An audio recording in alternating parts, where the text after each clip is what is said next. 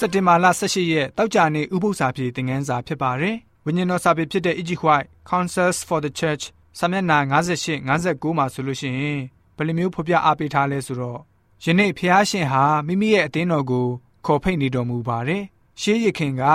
သေလလူမျိုးတွေကိုခေါ်တယ်လို့လောကသားတွေရှိမှအလင်းတပွဲထရက်နေရပါမယ်။တမန်တရားရဲ့အစွမ်းရှေးဦးသတင်းစကားဖြစ်တဲ့ပထမဒုတိယတတိယကောင်းကင်တမန်သတင်းစကား ပြီးတော့လောကနဲ့အသင်းတော်ကိုခွဲလိုက်ပြီးတော့ယေရှုရှင်ဟာမိမိရဲ့အထံတော်ကိုအသင်းတော်ကိုဆွဲယူတော်မူခဲ့ပါတယ်။မိမိရဲ့ပြည့်ညတ်တော်ကိုအခိုင်အမာစောင့်ရှောက်တဲ့သူဖြစ်ဖျားရှင်ခံထားတော်မူပြီးတော့ကြီးမြတ်တဲ့တမန်တရားကိုကြိုတင်ဟောပြောတဲ့ပြောဖက်စကားတွေကိုအခုချိန်မှာသူတို့ကိုဖျားရှင်ဟာဆက်လက်အနံထားပါတယ်။တန်ရှင်းတဲ့ပြည့်ညတ်တရားကိုရှေးခေတ်ဣသေလလူတွေကိုအနှံပေးသလိုယခုချိန်မှာလည်းပဲယုံကြည်ရတဲ့တန်ရှင်းတဲ့လူတွေဖြစ် ကဘာသူကဘာသားတွေကိုဆက်သွယ်ပေးရပါမယ်။ဗျာဒိတ်ကျန်ခန်းကြီး14ကကောင်းကင်တမန်၃ပါးသတင်းစကားဟာဖျားသခင်ရဲ့အလင်းတရားကိုလက်ခံတဲ့သူလို့ပုံဆောင်ထားပါတယ်။လောကီနိုင်ငံအရရဲ့ရှိသမျှနေရာတွေကိုကြွေးကြော်အတန်လွှင့်ပြီးတော့တန်တမန်တွေအဖြစ်လှုပ်ဆောင်ရမှာဖြစ်ပါတယ်။ခရစ်တော်ဟာသူ့ရဲ့နောက်လိုက်တဲ့သူတွေကိုတင်တို့ဟာဤလောကရဲ့အလင်းဖြစ်တယ်ဆိုပြီးတော့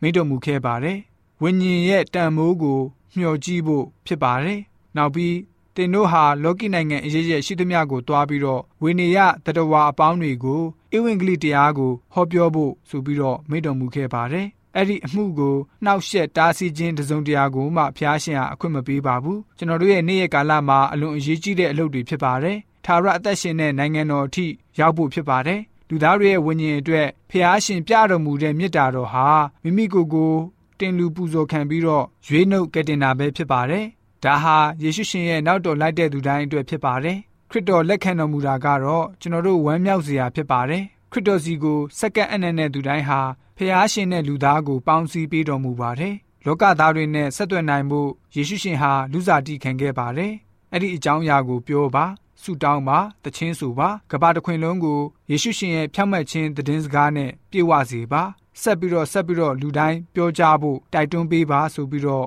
ဝိညာဉ်တော်စာပေဖော်ပြချက်အားဖြင့်တောက်ကြနေဥပု္ပ္ပစာပြေသင်ခန်းစာကဖော်ပြထားပါတယ်။ဥပု္ပ္ပစာပြေသင်ခန်းစာစနစ်ကတော့ဒီလောက်ပဲဖြစ်ပါတယ်။ဥပု္ပ္ပစာပြေအစီအစဉ်တင်ဆက်သူကျွန်တော်ဆက်ဆောက်ပါ။ကျမ်းနာတော်သူရောက်စီတိုင်းဝိညာဉ်ခွန်အားနဲ့ပြေဝကြပါစေ။ကျေးဇူးတင်ပါတယ်။